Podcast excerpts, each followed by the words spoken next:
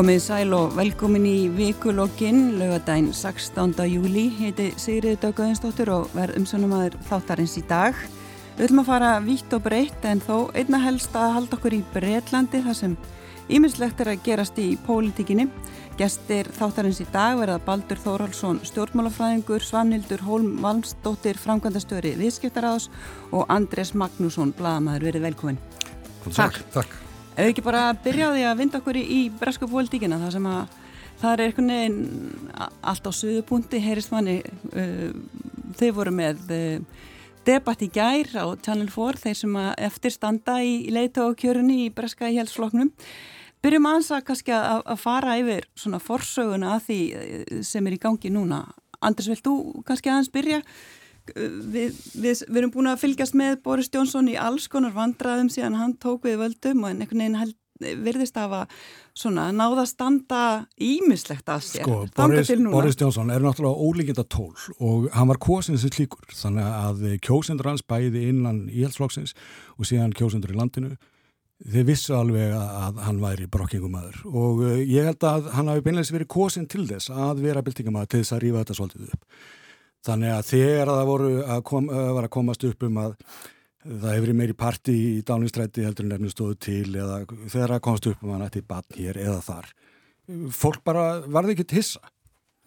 E, og ég held að sko, svo, hérna, sko, það uppnám sem varði í Westminster, það er að segja í höfuborginni, í stjórnmála þorpinu litla, e, það e, uppnám endur speglist ekki endurlega út um landið og uh, það er nú eitt af því sem að sko menn þurfa að taka tillit til og, og uh, breski þingmenn eftir nú að muna frá því að, Theresa May var fórstræðara þar sem að þingið og þjóðin voru bara algjörlega á skjön. Og það kom í, í ljós þannig að þingið fekk sko í raun og veru skilorð.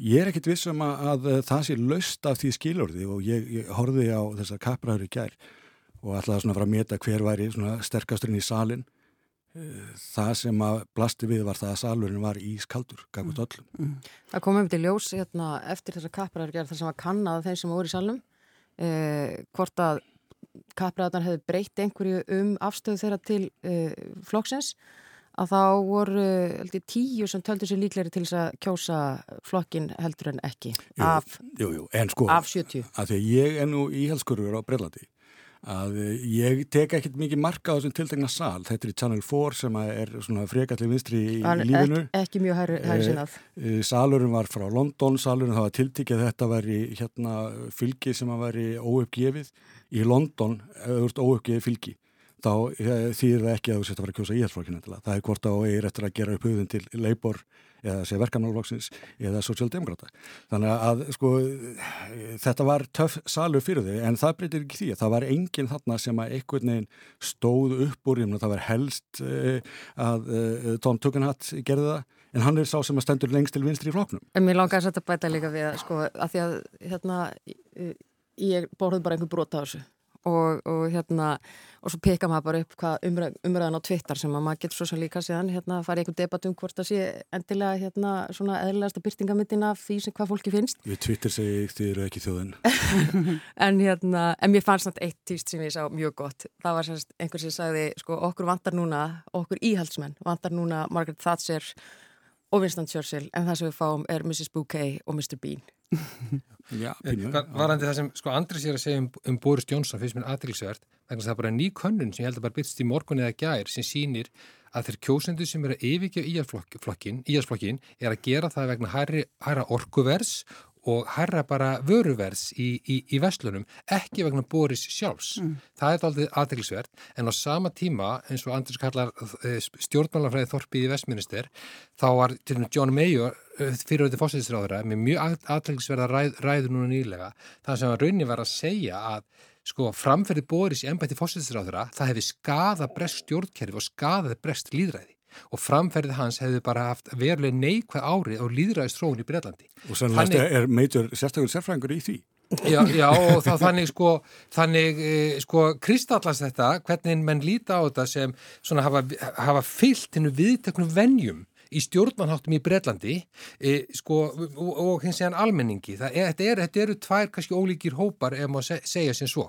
Það sem ég fannst aðteglisvert varðandi þegar maður skoða stefnusgraf flokkana og umræðandir ekki gær er rauninni hvað er mikill munur til dæmis á e, fjármálaráðurannu með fyrirvændi fjármálara Súnak sem vill rauninni bara takmarka ríkis e, og rauninni er tregur til þess að lækka skatta meðan að trús til dæmis er að reyna að spyrna við fótum og lofa sko að þetta er hægru og vinstri skattalækkunum til þess að ná til þeirra þingmanni íasflokksins sem er á hægri vagnum og hún áalveg þar góða möguleika á 50-60 atkvæðum í, í viðbót sem eru hingað hingað til verið að kjósa svona fólki sem er til, til hægri í þessum, í þessum kannski, kannski, það Mér... er þá aðalega fólk sem vil uh, stöða svonak sem að myndi kjósa. Vegna að uh, þessi þáttur í gær var algjört disaster fyrir Lestrós Uh, hún náði ekki neitt í gegn, hún var mjög ósympatísk og, og uh, það sem hún hafði að segja einmitt, eins og þú segir, uh, var út og suður hæri vinstri sko, og, og hérna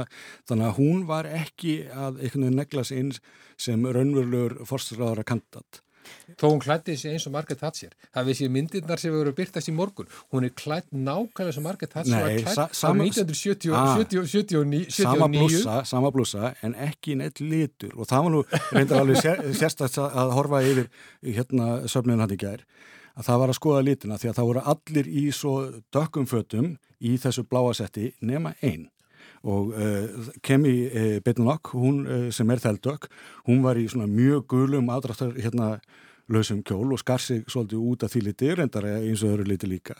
En uh, það er kannski svolítið frólægt að ef þú horfir yfir hérna söpnuð að það eru fimm sem standa eftir í þessari úsláttakeppni og það er einn kvítur miðaldar kallmaður í þeim hópi. Mhm. Já, þetta er mjög, mjög aðtilsverður hópur hvað það var en, en mér, við vorum svolítið að ræða hérna þegar við komum inn í húsi Baldur að, að akkurat þetta þessi orðarstaði sem áttur sér hérna, stæðið milli List Tröss og, og Rissi Súnak í gær, hann er nú mjög kunnlegur í mín eyru, þarna talar mikill fjármálar á þeirra og, og það er stundu þannig þegar að, að fjármálar á þeirra tala þeir er, þeir, þeir er ekki alveg endilega fáanlega til þess að fara í pólitísku skotgræðunar eða fara á svona einföldu löstinnar og mér fannst alltaf góð lína sem hann kom með í gerð þegar hún var um að lýsa þessum, eh, þessum efnas áformum sínum að þú sko, skuldsetur þið ekki út úr verðbólkuskeiði og hann sagði bara, ég meina þetta er bara einhver skíaborgir hér þetta, þetta efnasplanir að stenda stendur ekki steinni yfir steiniði og ég held einmitt eins og þú sagðir gerð, ég meina þessi vandraði sem að Liz Truss er í og Baldur var líka að segja, þetta er bara leiða til þess að hún er að lofa yfir sig, það verður mjög erfitt fyrir hana ef hún á sín að taka af kindlinum eftir þetta og standa við allt sem hún segir Ég bara segi ykkur hér og nú þetta er búið hjá Lisa eftir, uh, ég meina það þarf eitthvað kraftaverk að gerast í þættinum á morgun Já. til þess að það breytist mm. og ég meina eh, sko þetta er skrítingkostninga til til að þetta er eins og ég segi útslátukefni. Núna er hún hjá þingfloknum og uh, þeir munu halda áfram að kjósa á tvolk þannig að snart tveir eftir. Þá fær hinn almenni flokksmaður tækjar þess að segja sína skoðun. Og það er gert í postkostningu sem stendur fram í, í september sko. þannig að uh, það er nægu tími en gleymum því ekki að afstæðin í þinginu og hjá hennum almenna flokksmanni, hún getur verið ger ólík, það hefur komið í ljós áður. Mm -hmm. Rissi Súnak hefur þetta mikla fylgi í þingflokknum, hann hefur það alls ekki hjá flokksmannum þar sem hann fjall mjög í áliti, gleymum því ekki að í, í meðal hérna sko hins almenna flokksmanns þar þingmenn hafi svíkjaðan og hérna sko kunnaðum yngar þakkir fyrir. Ég held nefnilega þessi svolítið rétt hjá þér hérna eins og sagður hann sko þetta er bara, þetta, í, þú veist það er þetta bunker mentality sem verður til þarna inn í vestmyndstir og í þessum þingflokki og ég held að þarna hafi þingflokkur íhalsflokksins fórnað almenningsstuðningnum á alltari innanflokks átaka.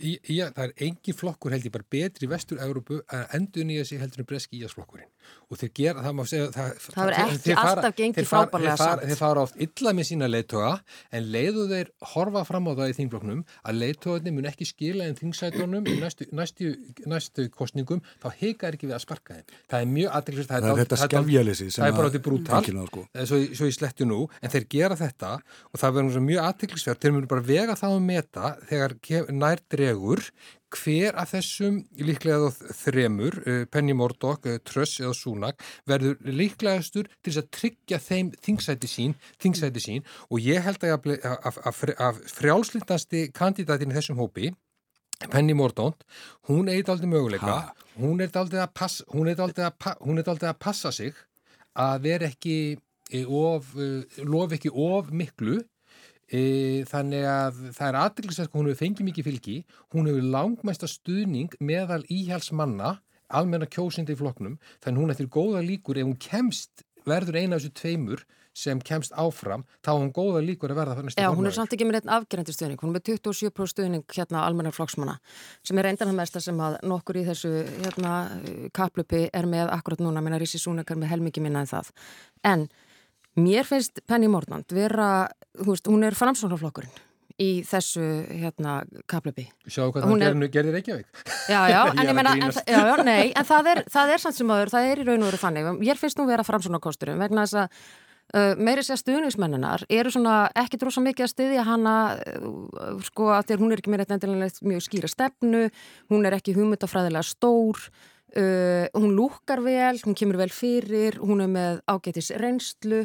Já, veistu, það, og, það, og, hérna, neð, sko, það er svo margt áður, í breskri politík já, ég veit, en þetta er samt sem aður svolítið. Þetta er, mér finnst þetta að vera pílt svona, er ekki bara best að kjósa penni Sko, og kannski ef maður horfa líka í, í kjölfæra á, á þeim miklu átökum sem búin að vera í kringum Boris gæti það ekki þá einmitt bara svona nýst henni að einhver leiti, en ég meina hún hefur árið fyrir mjög miklum ára sem undanfallna daga frá e, fyrirhandi samstagsmannumennar bæði í, í þingi og ráðunutum og sveitastunum þess að sem segja bara hún sé ekki nógu dögleg, ekki nógu góð, ekki nógu klár Þannig að það verður svona mjög erfitt fyrir hann að komast í gegnum það. Það er sagt er býtu hvað hefur eiginlega gert og, og það verður svona fáttum svör. En það er satt að móti býtu augnablík e, þetta er bara eitthvað snopp og, og hérna að því að ykkur finnst hún ekki nógu fín að því að hún er ekki úr hérna stóra háskólunum. Að því að hún fór í redding. Já og hún er hérna ekki, já, bara ekki af miðstjættinni sko. mm -hmm. og, og þetta skiptir máli á Breitland. En ég held að ég, þetta muni hjálpinu sko meðal almennings, já, þú veist, akkurat ég, þetta vegna sem er ekki dendilega mjög hugmyndafræðilega þengjandi, sérstaklega núna þeir eru bara að hugsa um hluti eins og hérna hvað kostar að kaupa bensín og mata og allt þetta, en ég held að akkurat þessi bakgrunur hennar, þá því að það er nú talað um það, hún það sem meiri landsbyði henni heldur en svona borgarmanneskja mm hún vil ennþá fylgja svolítið eftir þessu, þessari stefnu uh, Bóresar sem var það að reyna að styðja við Norðurhjörðun sem að kusu íhaldsblokkin í fyrsta sinn þarna Jú. 2019 þannig að, að hún er svolítið öðruvísi og svo áleika bara öðruvísi bakgrunn. Ég menna hennar uppvöxtur var öðruvísi. Hún hefur, hún átti svona aðeins Uh, hún var aðstofarkona Baldur Sprjánssonar Nákvæmlega, hún var aðstofamað töframanns. Uh, þú veist, hún lærði heimsbygg í redding. Uh, hún var móðurlaus ung. Þú veist, hún er á alls konar svona sögur sem ég held að höfðu mjög mikið til eins almenna kjósenda En, en hérna, ég veit ekki alveg hvernig hún myndi samt sem áður, veist, ég bara þekk ekki nóg mikið til hennar sem þannig pólitíkusar að ég veit ekki hvernig hún myndi fúkara sem formaðar og Baldun kom til langa mjög mikið að tala núna, þannig að gjóð svo vel. Já, hérna, ég langar bara að taka undir með þessum þú segja að það sem skiptir mestu máli fyrir íasflokkin til að vinna næstu kostningar er að höfða áfram til verkamanna fólks í mið og norður Englandi sem Boris tók svo vel, sem engum hefði tekist það betur. Það mun ekki takast með skattalækunum tröss á hérna ríku eða skattalækunum fyrirtæki, það mun ekki taka takast með niðurskurði með, með, með súnak og áframhaldandi niðurskurði hjá honum í helbriðis og mentakerfinu. Það er Mordant sem gæti helst náð til þessa fólks af því hún hefur svona alltíðu svip. Ég veit hún er ekki afgerandi, hún er svona Hún, það er erfitt átt að sjá henni hvað hún lákvæmlega liggur en ég held að hún geti verið tæk, eða, manneskjan líka því hún er frjálslind hún, er, hún nær til frjálslindu íbúa höfuborgarnar en getur líka höfða til almennings út á landi og þetta gæti hjálpa henni hvort að verður til, til þess að, að þingmennið mjög endalög kjósa hana veit maður náttúrulega ekki en þetta held ég, hún, sé, hún væri besta bettið fyrir íasflokkina En er ekki pínlítið vandraðilegt að geta ekki gengist við því að vera frjálslind? Ég sko það er bara vegna þessi hópusin sem er búin að, er búin að veljast í þinglið í álsflokksins. Það er búin að handvelja fólk þarna raunin inn. Þú verður eiginlega að vera sko e, mjög mikill brexit sinni. Þú þart að vera með íhjalt sem, sem gildi og hún hefur til dæmis þurft að fara að leika þá leiki. Hún hefur til dæmis verið að styðja mjög opinskátt þegar hún var ráð þeirra réttindi samkynner og réttindi transfólks, þess að transkvenna. Hún hefur þurft að draga þennan stuðning svona óbent tilbaka transkonum eða orðaði minnst og höfði til í kjósinda íhalsflokksins og kjósinda eða þessa íhalsömu þingmanna flokksins. Já, það var einmitt mjög skrítin umræði að gera þessu þætti þessum að þú getur nú kannski sagt okkur frá hérna, Andrið um, um kynrænt sjálfræði þar sem að hún lendi bara í einhverjum vandraði með það að útskýra það hver afstæði hennar til þess væri. Já, ég minna þetta snýst nú svolítið um hérna það að hún á fjölskyttu meðlum sko sem að hérna er trans þannig að, að, að það verður að hafa það í huga. En, en segir mm. það það ekki bara einhvern veginn að veist, ég skil ekki alveg, ok, nei, jú, hún er auðvitað að tala við ólíkar hluta nei, í flokknum Vegna þess að þessi umræða líkt og svo víða hefur einfallega ekki verið tekin. Það hefur verið gengið útræði að hlutin eigi verið svona eða hins einn og fyrir ekki, þetta átt ekki að vera orðarlegur en, en uh, uh, það er atna, hérna, samt sem áður uh, þannig að einmitt að Westminster hefur tekið svolítið svona afstöðu oft með því að taka ekki afstöðu bara látið hlutin að slæta en svo umræða hefur ekki dátt í staði landinu. Og, uh, og það er á ekkert bara við mýjarsflokkin, þá er ekki síður við um verkamannflokkin þar sem eru, eru miklu heitari deilur en þessi mál.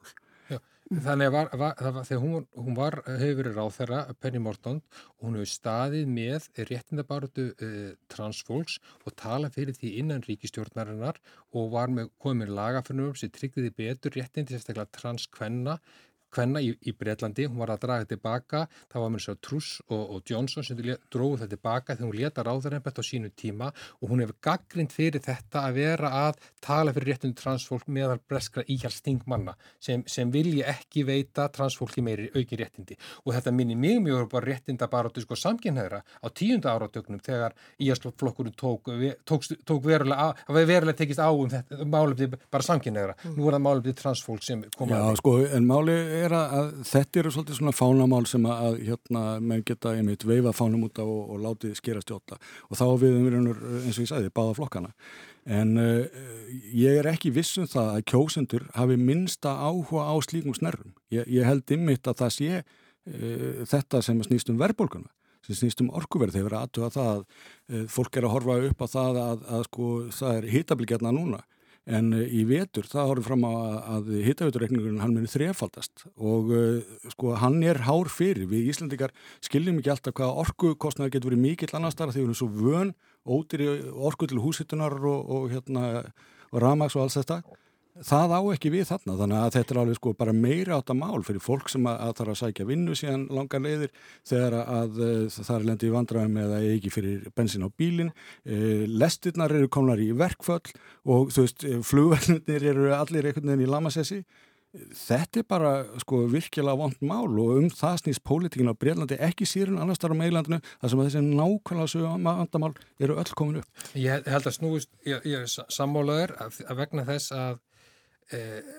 sko hluta til vegna þess að flestir, flestir sem eru í íasfloknum eru kvíti kallmenn yfir 60 Nei, nei, nei, þeir, þeir, þeir, þeir eru 200.000 manna tæplega 200.000 manna Nei, nei, flestir íasmanna eru hérna bláharðar konur yfir áttræðu sko, þú veist að minnskild aðgjala ekki, ekki held ég held, ekki held ég heldar, heldar, heldarfjöldan, heldarfjöldanum og það sem skiptir máli í alveg samála er það er, er orkuverðið, það er verðbólgan en það skiptir líka máli í þessum hópu sem endalega kjósa leðtóan, það er den innflytjandastefna Þessir, þessir, eh, þessir hópur íhalsmanna eða flokksminn íhalsflokksins vilja takmarka innflytjendur í Breitlandi og þeir eru líka fyrir þessi svo kvöldu gömlu góðu fjölskyldugildi orðum það þannig. Ég held að þú sést að sko, auka þetta mjög orðum, ég held að sem þetta þessar hugmyndir um innflytjastefnuna, það, það er bara rámt. Eh, innflytjastefnan markast ekki þessu. Það sem að hefur verið aðal innflytjamálið á Breitlandi er yfir þetta að það sé opið frá, hefur verið opið frá Európa-sambandinu en lokað á svo mikið annað og í ljósins hvað eru margir breytar sem eru af Erlendubergi brotnir frá Índlandi, frá Bangladesh, frá Pakistan myna, og Afríku, Vesturindíum þeim svíður auðvitað að hérna, það skuli sko fólk uh, frá Rúmuni hafa fengið að lappa inn en ekki bræður og sýstur og uh, um það hefur hér stóra innflytnamála á Breitlandi snúist. Ef við förum, ég bara, ég, ég bara með, vil svo skemmtilega til í rétt með tölunar yfir það hvernig samsetningin á hérna, íhalsfloknum er. Að þá er það samstannig að meðlemið íhalsflokksins eru uh, 86% miðst þetta fólk og 97% eru hvít en bara 54% breyta eru í miðsti 1 og 87% eru hvít. Þannig að það er svona smá skekkja þessu. Og sjö, yfir 70% að meðlumum íhalsflokksins eru karlar og 44% eru 65 ára og eldri. En mm. það er bara 18% af, af hérna, breytum sem eru á þeim aldri þannig að það er, það er vissulega smá skekkja þessu. En að að, að, þekkir, að því að þú þekkir um kostingastarf þá veistu líka sem er að þetta er svolítið sami hópur og tryggast í kjólstofhópurinn. Ójú, það er Hér rétt. á Íslandi jú, jú. líkt og þar og líkt og Danmarku líkt og Þísklandi. En þetta er náttúrulega að hugsa um þetta þegar þau eru að setja eh, svona áherslu sína fram við, við hverja þau eru að tala. Þau eru ekki að tala við almenning, þau eru að tala við kjörna, nei, hérna, skráða uh, meðlemi í floknum. Þannig að það náttúrulega væntalega hefur áhrif á... Bara hluta, bara hluta vegna þess að sko það eru margar umfyrir eftir í því að kjósa innan mm. þingflóksins og þar þurfa þeir að kjósa mjög taktist og ég menna það hefur gerst áður að menn hafa verið að velja sér anstæðinga, menn hafa svona óskæð eftir að tiltingi hluti stundismanni svona hérna ef menn hafi verið sko sterkir í fyrsta setinu að e, kísi einhvern annan til þess að fella út þennan sem að getur verið hættulegur í síðustumfyrinni. Mm. Þannig að ég myndi ekki útloka að e, sko slikt gerðist.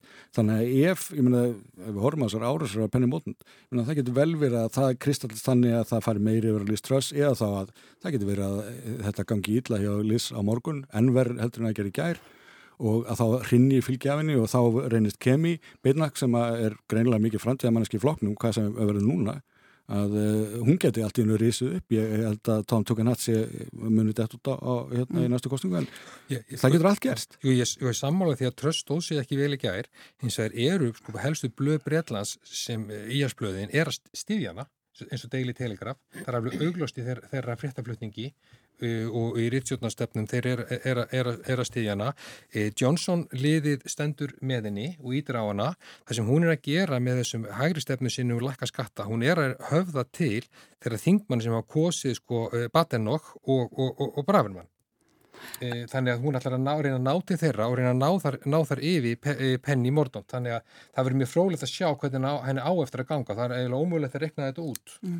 Ef við fyrir maður hérna, tilbaka aftur, hvers vegna er þetta gerast akkurat núna? Hvað veldur því að, að eh, skrefið er tekið núna að svona uh, ít og boris uh, endanlega út?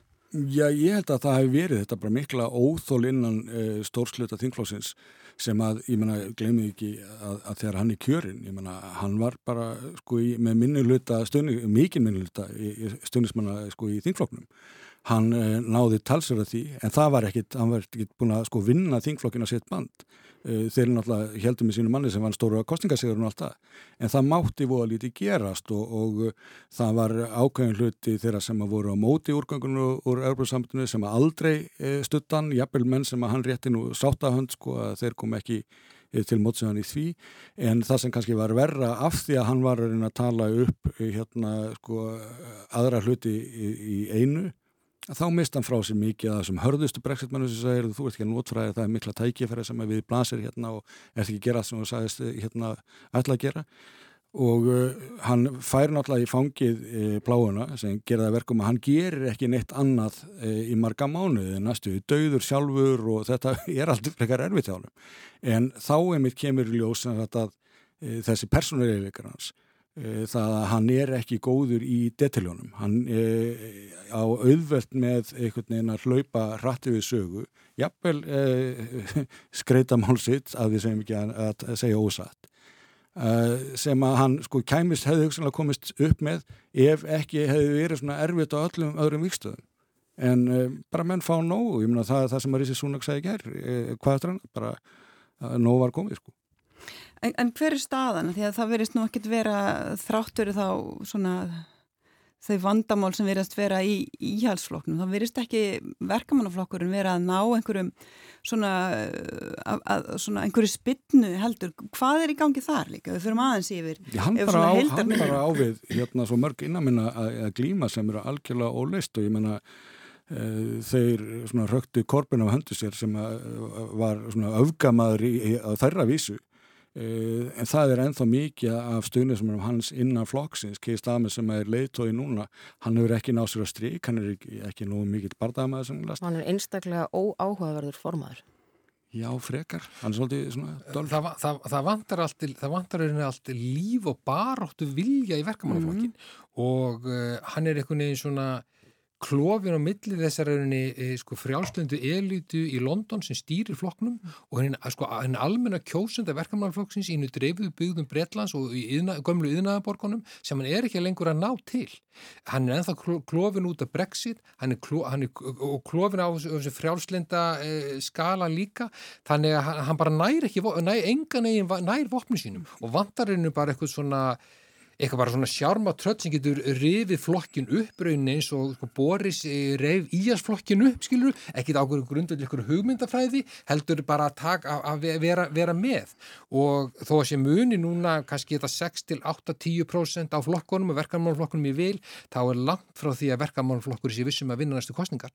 Nýr leit og ías flokksins gæti vel gert ágætlega. Já, hans stóra vandamál er kannski það að til hans var stopnallis að vera verkamálflokkur, ég satt hann á ekkert í verkalínu lengur, hann á ekki neitt í verkamannastjett lengur. Og sko ég undistrykka það að það er ekki hægt að skilja bresthjóðfélag á þess að átt að segja á stjættasysteminu þar. Og uh, verkamannflokkurinn það kom hér sama fyrir hann eins og sósíaldemokrataflokka uh, á mörgum öðru stöðum þar er mögulega Íslandi.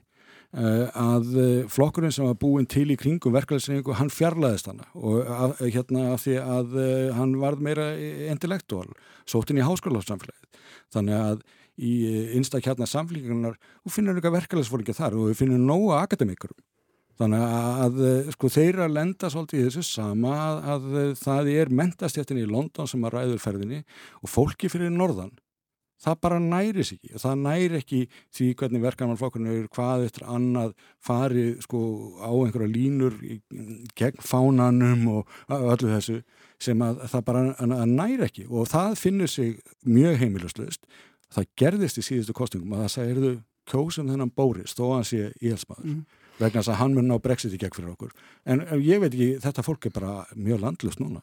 En ég minna verkamannafloknum gekk vel með þessa nýju stefnu, New Labour í lók nýjum tíunda áratugsins þegar að, að Tóni Blair kemur fram og það er alveg hægt að segja að hann hafi með svona mjög afgerenda hætti fjarlægst verkamannustjættina en gert á, ja, mjög, á ákveðin hátt sem að varð Hann ákvaða að ná til miðstjættarinn mm. að, að sannfara miðstjættarinn það að verkamannflokkurinn væri kjósanlegur og hann væri stofuhæfur og ég menna verkefnarflokkurinn létt sér hafi þetta, ég menna eh, verkefniðsengin þar innandira var svona svolítið í evins en gott og vel. Og meðan hann kostningar þá gekk þetta. En ekki gleyma því að hann er einhver hataðasti maður innan verkefnarflokksins í dag. En um tímum Blair hins vegar sko þá hafði Blair mjög sterkar unni verkefniðsleituða með sér sem óttu sterkar rætur inn í verkefniðsreifinguna og í yðnaðaborgirnar mm. og, og hennar dreifðu byggður. Hann hafði það með sér og hjælt þeim hópi e, með því sko rauninni með, með lovorðum um að draga úr fátakt og mink ójöfnu sem honu tókst. Tölurna sína það að undir bler þá, þá, þá minkaðu ójöfnuður og e, stað hennar versett í byrjallæti, hún, hún batnaði. En arfleðinni samt sem áður einhvern veginn þannig að ef þú ferði sko mið og, og, og hérna á norður héruðinn að þá er sko eins og, eins og Andri saði ráðan, það er ekki fallið að tala um hann, er, honum er ekki þakkað í raun og raun eitt Nei. sem gerðist á þessum tíma. Uh, hann, Já, hann er jafn hataður sko meðal eh, vinstrimannan í London. Uh, fyrir það að hafa bara þeir lítið á sig stríðsklapamann fyrir mm. þáttu í Írakstriðinu og allt þetta. Írakstriði fór svo gríða leitla með hann svo aðrilsvægt, einstaklega mál geta bara nei, norðrið tel, telur líka að það hefur skilið eftir að, að eh, í nafni þessa, þessara alþjóðahyggju sem að bleiristætni bóðuðu mm. með því að draga en erlend vinnuafla þá hafi lægt í rúst hverja borgin á fættur annari sem að hafi náð þá atvinnleysi upp á kannski 15% sem að aldrei hafi lagast aftur. Mm. þeir kenna honum með þetta. Það bara að gera sama gerast í Breitlandi og gerðist í Bandaríkjónum þegar Trump, Trump var kosin sko, en hvita verkalistjætt sem er búin að kjósa allt sitt líf, sko, hvort það er sko demokrata eða verkamannaflokkin og finnst þið bara að bera skarða hlut frá borði. Mm. Þeir eru að fá miklu minna í sín hlut heldur en þeir horfa upp á e, mentastjættina í bor, borgunum við erum að fá og þeir bara hugsa, þeir eru ekkit endilega á íhjárslínunni eða trömplínunni hugsa, já við ætlum bara að gefa þeim tækifæri, kannski gera þeir betur fyrir okkur heldur en hini sem allar því treyst á sem allar því hafa brúðist okkur.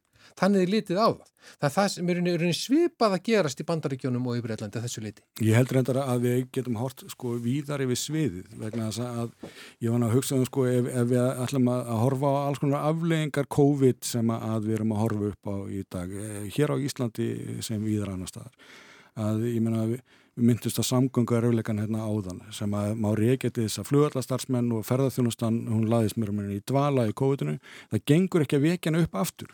Þannig að það er ekki hægt að starra ekki að flugvelli með sama hætti eða viðaskvar eins og, og, og var. Við erum að horfa upp á það að, að ferðarþjónustan hafi lagst af í löndum eins og Sri Lanka er að hafa þar áleikara að það er orðið þrótaríki. Bara allt í ennu.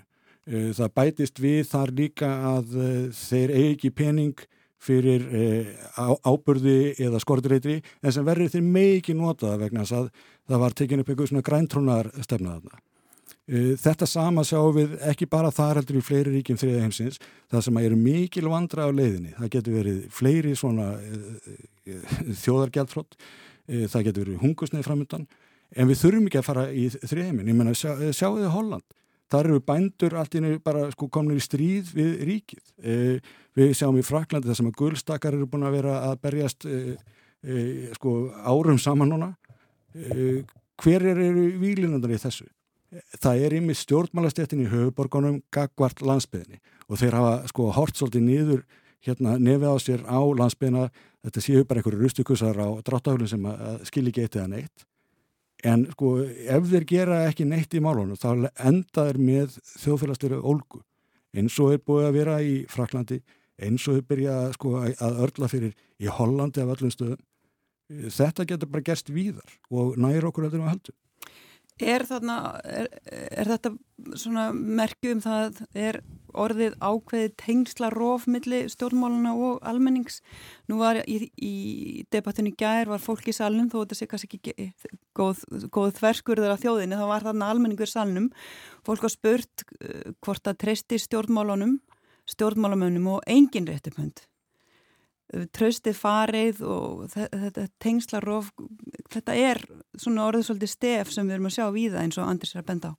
Kannaðinni sína það að það hefur dreyið verulega úr tröst í garð stjórnmálamanna, í, í, í garð þjóðþingaríkjana þó það sé aðeins mismunandi það fjallum kannski hverki meira heldur en hér í kjölfar hundsins og mjög lengi að rétta, rétta, rétta, rétta við. Já það er vítakar eins og við sjáum já. að því að tröstið á borgastóttinni er sko ennverð en á þinginu. Já, já það, það, það er á mörg, mörg, mörgum suðum það sem ég held að sko spili inn í þetta sem, sko, sem Andris var að tala um er unni kannski aðeins sko samfélagsmiðlanir vegna þess að sko lífstíl og, og þá velmegun sem stór hlut, já, já þó nokkur hluti sko íbúa hvers land fyrir sig býr við er svo sínilegur öllum í dag. Mm. Miklu enn með sínilegri heldur kannski var jafnvel fyrir 10-20 árum.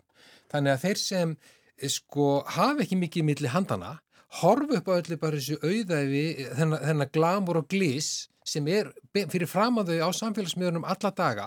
Og ég held að skapi vaksandi gremju í samfélaginu skiljalega sem mann hugsa sko af hverju fatta þessi bröðmólar ekki á myndisk heldur bara raunin til eitthvað annara ég held að þetta sé hluti af þessu og svo náttúrulega koma raunin svona populíski stjórnmálumenn inn, inn í þetta sem íta undir þetta og, far, og fara íta undir sko andúðuna á valdaeilitunum í borgunum Já, en það er líka sko, þið stóra stef okkar tíma um lofslagsmálinn til dæmis, að uh, það er búið að krefjast breytinga og það er verið að gera strax og, hérna, og það sé bara allt í húfi.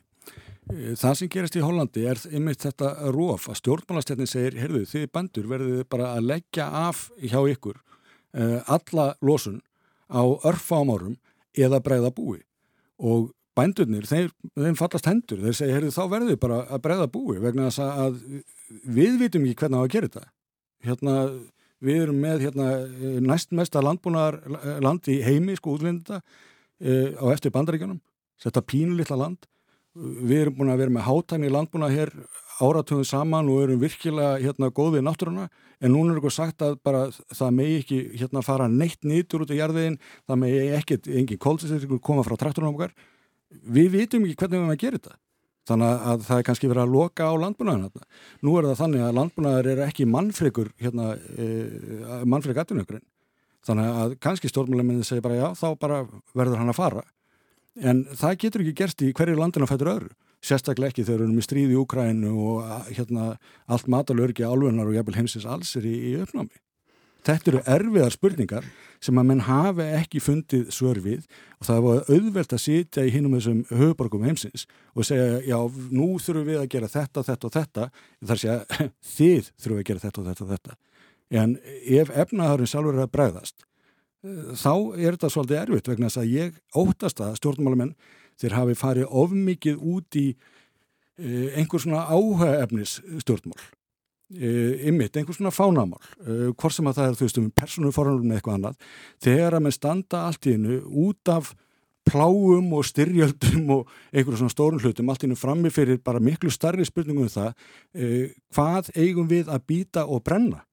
Þetta og þeir eiga engi svör. Þetta er eins og einhvern tíma var sagt it's the economy stupid, þú veist það er eiginlega hérna Þetta er oft sagt um mig Já, oft sagt um því, já, einmitt, en það var reyndar, þetta var nú í, hvað, fórstu kostningum 92 eða hvað, í bandaríkjunum, en uh, sko, ég held að þetta sé nefnilega svolítið málið að, að hérna, sko, þetta róf sem hefur mögulega orðið, jújú, jú, það er örglega að hluta til einhvers svona samfélagsmiðla öfund og, og, og einhvers svona samanburður og, og slíkt. Og ég held að samfélagsmiðlar eh, beri ábyrð á mjög mörgum, mjög óhefpulegum og leiðilegum hlutum í lífi okkar flestra, en Gef okkur lólgeti Já, það reyndar sko, mitt fýtir allt fyllt af bara einhverjum katamindböndum og það er frábært.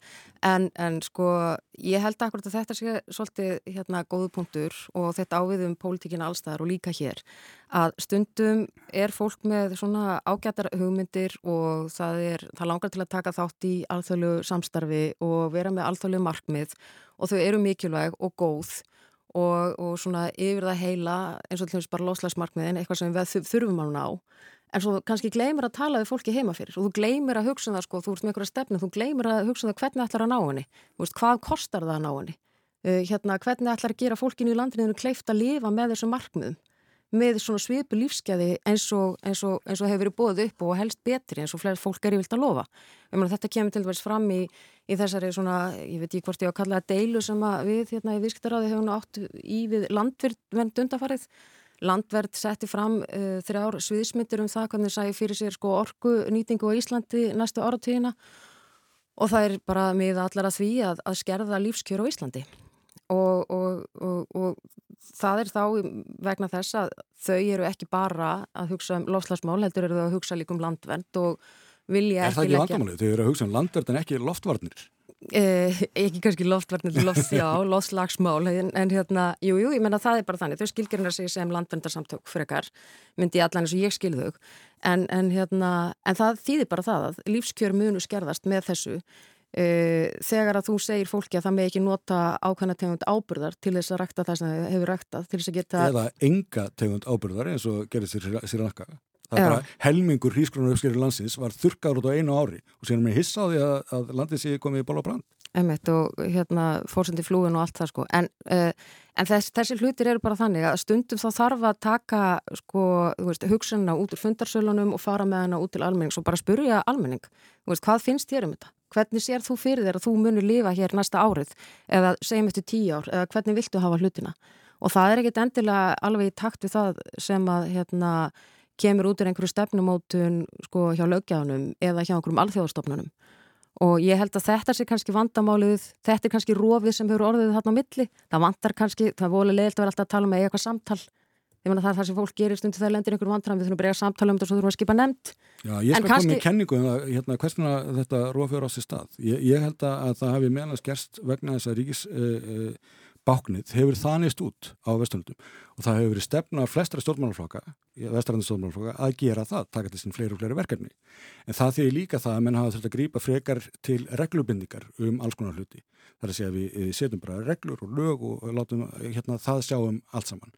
En hafa tekið líðræðið út fyrir svega það er færri og færri hlutir sem við kjósum um vegna þess að þetta er bara orðið og flókið til þess að það sé hægt að kjósunda um þannig að þessum erum við komin út í það að uh, lesa félagsmila hérna, og horfa kattamildmönd til þess að ákveða hvaða, ja, hvaða flokksforman eigum við að kjósa. Hvernig líst mér að þennan eða hinn? Finnst mér að hérna, standa upp gæi eða kemur um glæsilega fyrir eða hvað það er? En við erum ekki að kjósa um málefni svo mikið. En þetta er samt sem á stundum er þetta eh, sko, ef maður horfur á ákveðan hluti eins og bara Brexit þú veist að hérna, mér finnst til dæmis að vera svona ákvörðum það þegar þú eiginlega ákveður að vísa ábyrðinni yfir á einhvern annan í staði fyrir að bara ákveða leiða eins og kameran gerði. Ég meina kameran ákveður það að að setja Brexit á borði vegna sem hann hafði enga trú á því að fólk myndi samtekja þetta. Hann Já, var ekkert að leiðin út. En þá komi ljós að fólk hafði alveg, hérna, gata alveg tekið afstöðu til flókismáls. Réttið svo að gata gert í kostningunum sjálfstæði Skotlands og svo framvegs. Þegar að það eru alveg mál sem það að kjósum, þá bara almenningur kemur stjórnmálunum sífælt á óvart og tekur upplýstra ákvarðinu. Já, en þá, þarna var þetta, það, sko, þessi kostning vald á dagsformi. Það voru 52% sem stuttu útgöngun og Brexit. Heru, það má segja um... Já, ég veit að það má segja um allt, en það er samt sem áður þannig að sko þarna, að hann eiginlega, maður upplýði þetta svolítið svona eins og hann netti ekki lengur að tala um þetta mál þannig að bara já, kjósiði bara um þetta og veist, það var eitthvað sem að hann í raun og veru sko... Nei, hann, hann rauninni bóðar til þessar brexit-kostninga til þess að bjarga innanhúsdeilum innan íasflokksins Nei, ekki að það, þetta hafi verið kostningamál hjá hann að hann ætlaði að fara til Brussel að segja hann frá því hvernig þið þurft að semja um ákveðinu hluti upp á nýtt, því það hefði verið vel tekið. Hann fyrir til Brussel, þeir hlæja hann og setja hann út. Það var, það var Brussel valdið sem er raun og verið gerðið út um Brexit, ekkert annað með því að, að snýtónum og senda hann rakleiðis heim að hans að vilja ræða með hann um nokkuð skapaðan hlut. Hann kom heim með ekki neitt til þess að, að ræðum þá var þetta búið. Það, það, það er rétt að hann kom heimi ekki neitt en, en, en sagði að það líti mjög vel út og hann hefur náð öllu fram sem hann vildi ná fram og kjósundur láti ekki alveg blöffa sér svona einfallega. Það var, það var ekkit í pakkanum en sko er merkilegt með hennar breska íasflokk sem við nefndum nú á þannig að væri svo góður að endur nýja sig en of snúast snú, snýst málinn hjá, hjá þessum flokki eins og mörgum öðrum flokkum frekur um að halda völdum heldur endileg fyrir hagsmunir, hagsmunir heldarnar. Því flokkurinn þarf að byrja endur nýja sig til að geta náð, náð til almennings. Þessi ég held að muni gerast Þetta er áviðum stjórnmálflokkar nánast öll vesturland Já. sem eru endalust í kostningabartu en málefnin eru hættaskiptu öllum máli, munurinn á málefnaskránu og reknar í fjarlög eh, er innan við 5%. Þessi ég held við horfum aðeins fram á núna vegna eh, sko bara eh, verri lífskjara út á aukinni verbolgu og ákveðin heimskreppu, meiri áherslu á efnahagsmál í kostningunum og bara lífskjör almenna borgara. Það held ég að verkefliðsæfingin gæti komið sterkar inn heldur en gert undarförnum árum og við erum líka að horfa aftur hvað til umræð umræðum öryggis og varnamál bara í, sem, sem munum koma inn í landsmálinn í meira mæli heldur en í mjög langa tíma. Og fyrst erum komið umræðina að synga heim. Eh, við erum að horfa fram á uh, leiðtókjöri í samfélkingunni í Er það? Finnst þér eitthvað bendur til þess? Nei, alveg, finnst þér eitthvað bendur til þess að það verði kosið? Já, er það ekki það? Það er komin allavega, allavega eitt frambóð. Já, eins og ég segi, finnst þér eitthvað bendur til þess að það verði kosið? Ver, verði, er komið, verði ekkit mótframbóð? Það er komið þetta eina frambóð. Mm, Varaformarin er búin að segja að það segir langi mikið til þess að vera varaformarin áfram. Borgastjónin er búin að gefa mjög sterklega til kynna að hann sé ekki að leina í landspolitíkina en eitt hannig þannig að já, mér sýnist að Kristóf Frostóttir sé nú bara að fara að lappa að það Finnst þið heldur það að væri gottur í flokkin að, að fara uh, þannig á málum? Væri... Ég miða við hvernig hann hefur gengið e, undanfæran ár þá held ég að þeir verði að fara að breyta til og ég ég, mér hefur fundist blasa við að, að þetta e, pópuliska dadur e, samfélgjunar hefur ekki gert flokknum vel. Þeir hafa tapað þessu sósjaldemokratiska elementi sinu og ég held að Eh, það að fá inn hæri krata eins og hana til þess að leða flokkin það gæti breytt í að, og ég held að kjósendur græði þá líka því að, að það verði svona auglösari skil á því að kjósa samfélgunum og kjósa pírata segjum En hvað áttu við með populístaður? Eh, ég var að nefna það eh, Já. að þeir eru á mjög sögum miðum og pírata það er erfitt að, að þekka sko, samfélgunum og pírata í sundur í sögum málum. Það held ég að reynst flokknum mjög dyrkjeft Eh, kann að hafa hendað hér og þar en svona stórt sétt held ég að vera alveg stórkostlega strategísk mistök að hverfa frá sósjaldemokrati. En gildir þetta ekki líka í rauninum viðreist? Þeir ekki svolítið mist svona sína sérstöðu og svona orðið svona eins og pýratar og samfélkingi í rauninni? Var einhver munur á, á þeirra stefnu og það hinna? Þeir vitast gefast upp á því að uh, vera sko alternativ við sjálfstaflokkin. Eh, ég held að það hefur kannski verið út af einstakum málum frekar en það hefur verið sko afstæða sem hefur verið tekin en, en það er einhvern veginn verkast hann og ég menna viðræstni er bara í bráðri útrymgahættu sko, Kostningaransóknir kollega minn upp í háskóla sína náttúrulega það að kjósenda hópur, pírata, viðræstnar og samfélgingar aðriðis mjög áþekk viðhorf. Þetta er bara, þetta er samarunni kjósenda mengi ef maður segja sem svo. Þannig að flokkarnir er alltaf að keppa á þessum sömu miðum. En, en, en miður sem alltaf var, var til með síðustu kostningabartur reyna skaps ákveða sérstöðu með að tala meður um Evrópumál heldur, heldur en aðrir. Samfélkingunni einhvern veginn fabast flugið missir sín að, að, að ég held á kannski þá mikið vegustu málefnin sem ég held að séu fyrir flokkin sem eru til dæmis, dæmis sjáurútöksmálin, einhverjum myndi segja að vera Evrópumálin og bara málefni, málefni launþega.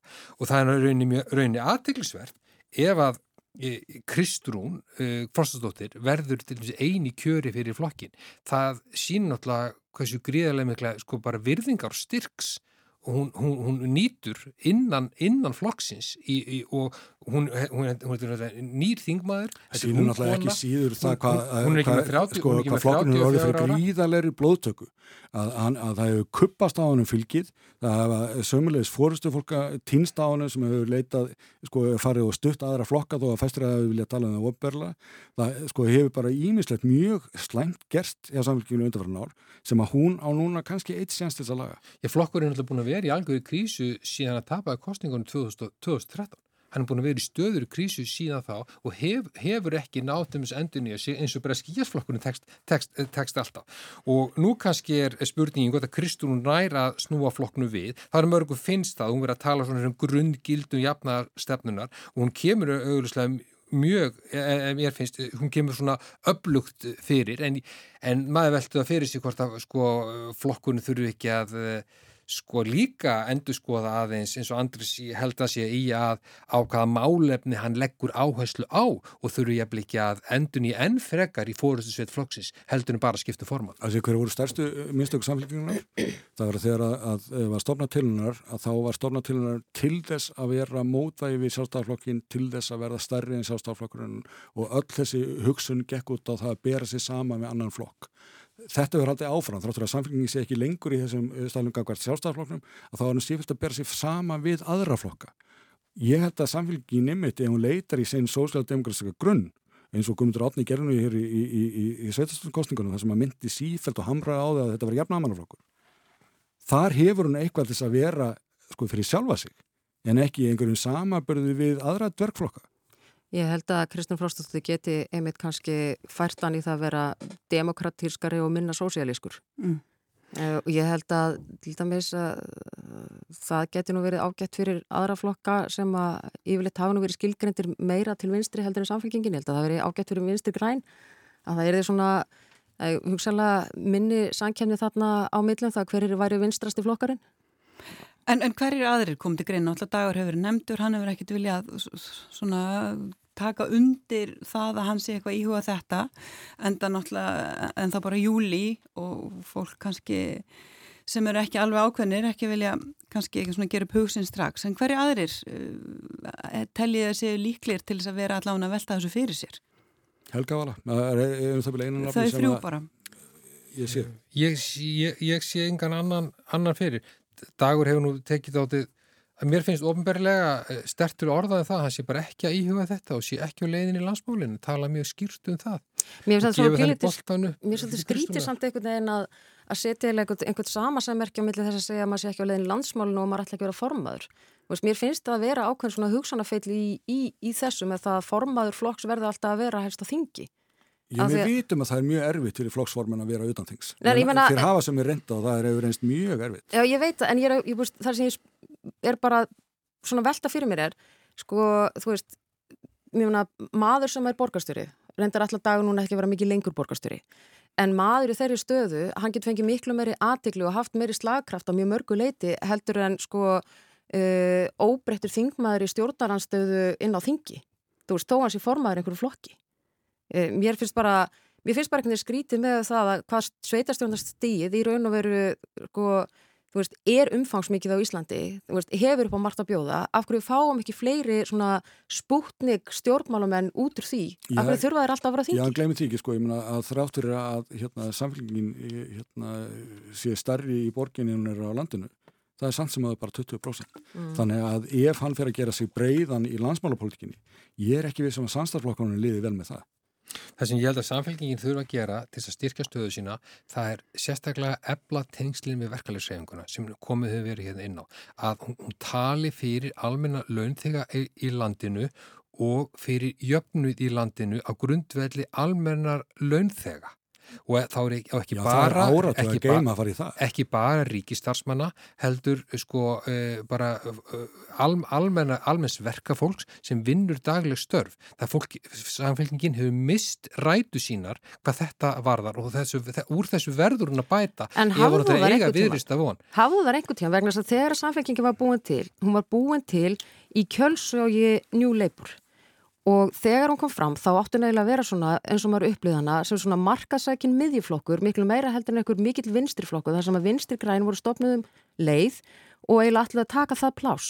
Þau voru í samkeppni við sjálfstæðisflokkin. Þetta voru tve, þetta stanslösa tveggja turnatal, Davíð Oddsson og Ingeborg Solrún og, og, og þetta Ég man ekki eftir því að hafa nokkuð tíman hort á samfélkingun á þeim tíma sem einhvers konar verkaðurlýðsflokk á Íslandi. En, en samt til þess að samfélkingin er í ríkistjórn 2009-2013 þá sko voru mjög margir verkaðlýðsleðtóar á þessum tíma, mörgum launþegarhefingum, voru til þeim samfélkinga fólk, menn voru ekki að koma fram sem slíkir en flokkurinn var að vinna mjög náið með verkaðlýðshefingunni og þessu fórustum en e, e, launþegar, vísu bak við tjöldin, kannski vantaði flokknum að gera það rauninu ofinberlega. En nú eru þessi fórustumenn lunn þegar margir hverjir ekki samfélgjumangin í dag heldur miklu meira lengra til vinstri og jáfnveil svona tengdir öðrum flokkum sem að, já, eru ekki eins og á þingi. Já, já, og ekki, ekki bara flokk, flokkspolitíki, menn að þeir eru konið byllandi viðskiptapolitíkum sem við sáum að stjórnar, hérna, sem alveg festar í vikunni. Mm. Hvernig? Þannig að, þú veist, ég er ekki vissum að samfélgjum getur byllað eitthvað freka til þeirra heldur en bara viðskiptar á, sko. Mm. En, en hvað sjáu þið fyrir ykkur? Bara, ég veit að það er ekki mikið tími eftir og þetta er kannski um, efni í annan þátt, jáfnvel uh, rúmlega það. Uh, hvert fer þessu umræði haust um, um, um svona kjara, kjara viðræður og, og nú er mikil umræðum það að laun séu hæst á Íslandi og, og samt er, er baráttan samt byrjuðu um að reyna svona byggja undir eitthvað eitthvað sáttum launahækkanir. Er þetta yfirleitt hægt, verður þetta hægt að, að finna leið út úr þessu deilum sem eru framöndan? Síðustu samlingar náðust að því að áfara hausin eh, við erum að horfa upp á, á svipaða hluti í landunum í kringungur eh, við vitum ekki enþá hvernig ferðarþjóðastunum munu reyða af í, í sömar eh, munu þessi flugvallar vandræði sem að er að hrjá heimsmennu nær alla mun það hafa slík ári hér að skipti máli e, við erum ekki ennþá komin á sama stað með ferðarþjónustunum eins og við vorum. E, kannski við hefum vonið með það, ég veit ekki. Ef við erum að horfa upp á það að verðbólgan verði áfram að, að e, geisa hérna minna, hún er að komast upp í tveggjastæðu tölu og hérna maður getur nú ekki verið mjög ánað með það þá þurfum við að taka afstöðu til þess að hvað viljum við gera í samlikum viljum við reyna að berja verðbólgan nýður með einhverjum hætti viljum við reyna að verja kaupmáttin eða viljum við fara át í hérna það að tekna stórar tölur á blad sem við vitum að munu verða minni og minni sko. Sko fólk er alveg eh, vafalöst að finna mjög mikið fyrir verðhækkunum núna og við sjáum það að þetta eru herri verðbólkutölur heldur en við höfum séð mjög langan tíma en við þurfum líka að hafa það í huga að samræmt verðbólka eins og hún er mælt er lægri hér á landi heldur en í nágrannlöndunum. Eh, það er húsnæðisverði sem hefur verið að tóa hana svona mikið upp í okkur Þannig að við erum ennþá, það er ennþá minni verðhækkanir hér heldur í löndunum sem við byrjum okkur vennilega sama við. Það er koma. Það er orguverð og annað. Það er koma. Já. En, já, já, en við erum alltaf sko, við erum sko blessunarlega mm. nokkuð sjálfbær þegar kemur að orgu. Mm. Vissulega þurfum við að flytja inn, inn ólíu til þess að keira bíla og svo framvegis en, en við erum samt sem áður ekki jafn slæmri stöðu eins og, og nákvæmlega löndin hvað það varar. E, það sem kannski er ágætt að hefa í huga líka er það að Ef við skoðum bara launahækkanir í gegnum árin, síðustu áratíðina, þá erum við venjulega, jafnvel þóttu við síðan með meira vesen í kringum kjærasamlinga heldur en ágrannar þjóður okkar að fá um það byrjum sömu niðurstöðu vegna að leiðrættist síðan allt í gennum raungingið. Það sem er mjög mikilvægt núna og hefur vantaði í Íslands samfélag, það er almennilegt samráðskerfi, samráða milli lönþegarhefingar, atvinnulífsins og, og stjórnvalda. Ekki stjórnvald bara koma inn á miðnætti þegar lönþegarhefingar og lönþegar og atvinnurreikundur eða frá undir kjærasamlinga. Sæði einhver saleg? Það, það, það, það vantar alvöru samráð um stýringu efn, efnahagsmála til að ná til þess verbulgunni niður og bæta kjör almennings. Við komumst ekki lengar með þetta því miður en hvað ætla að gera það sem eftir er helgarinnar? Andrés, ertu með ykkur skemmtileg plön? Ég er með alveg stórfæglega skemmtileg plön. Ég ætla að vera í hústærgarðin og hugsaði um verbúluna og hérna og uh, það er svona sumafríðin að ljúka mér þannig að ég þarf líka að fara að setja mig í það hvað í óskumluninu fréttum þannig að ég hugsi ég hlusta á þennan þátt í, í, í hlaðarpið síðar en hérna en já, að öðru liti voða lítið nefn að bara já, fá sér ís og svona Já, ég ætla bara að dúla mér með fjölskyldinni og fara að hitta hérna, lítið batn á morgun og fara í matabóð í kvöld og svo var ég sem að skella eins og eina köku. Það var svona mín stóru áformum fyrir helgina. Ég var nú að koma auðan en nú ætla ég að fara að vinna í litlu fjölskyldu fyrirtæki, ferðarþjónustu fyrirtæki á Suðurlandi sem við fjölskyldunum erum með, hellana við, við hellu, það sem að fer úr einnu orustinu annar og tölum um hugsanlegt landnám fyrir landnám, írska manna, þannig að ef, hann, ef hann má plögga svona, þá, sem bara við hlustendur um að lesa morgunblöð. Nei, ég er nú aðalega að tala um það, það er svo skemmtilegt þegar maður fer úr einnu orustinu að, aðra sko að tala um landnámi fyrir landnám sem, sem ennþá meira gaman að ræða heldur um pólitíkina. En við ætlum að segja þetta gott í dag. Takk ykkur fyrir konun komuna að þessu sinni Baldur Þóraldsson, stjórnmálafræðingur, Svanhildur Hólm Valstóttir, framkvæmdastjóri viðskiptaráðs og Andris Magnússon, blæðamæður. Takk. Takk.